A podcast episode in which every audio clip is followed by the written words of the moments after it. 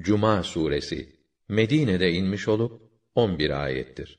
Rahman ve Rahim olan Allah'ın adıyla.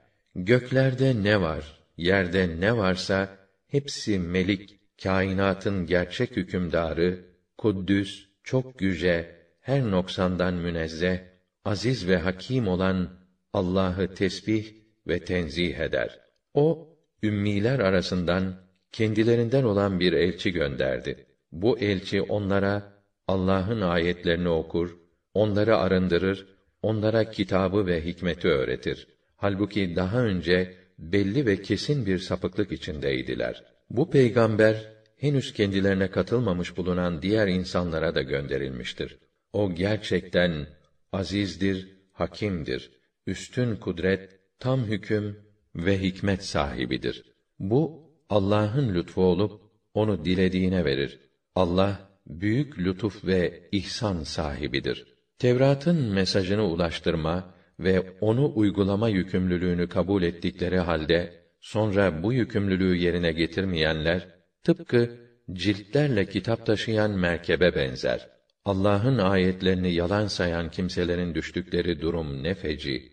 Allah böylesi zalim güruhu hidayet etmez, emellerine ulaştırmaz. De ki, ey kendilerine Yahudi diyenler!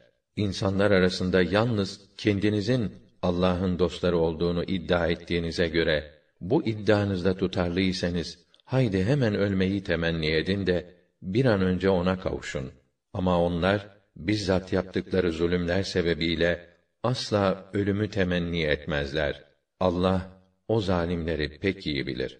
De ki, sizin kaçtığınız o ölüm var ya, o mutlaka sizi karşılayacaktır. Sonra da görünmeyen ve görünen ne varsa hepsini bilen Allah'ın huzuruna götürüleceksiniz. O da sizin yaptıklarınızı tek tek bildirecek ve ondan ötürü karşılığını verecektir.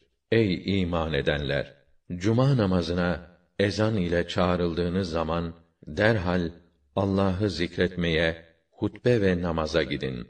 Alışverişi bırakın. Eğer bilirseniz bu sizin için çok hayırlıdır. Namaz tamamlanınca yeryüzüne dağılın. İşinize gücünüze gidin. Allah'ın lütfundan nasibinizi arayın. Felaha ermenizi ümid ederek Allah'ı çok zikrediniz. Onlar bir ticaret veya bir eğlence görünce oraya doğru sökün edip seni hutbe verirken ayakta bırakıverdiler. De ki, Allah'ın nezdinde ahirette olan nasip buradaki eğlenceden ve ticaretten elbette daha hayırlıdır. Allah rızık verenlerin en hayırlısıdır.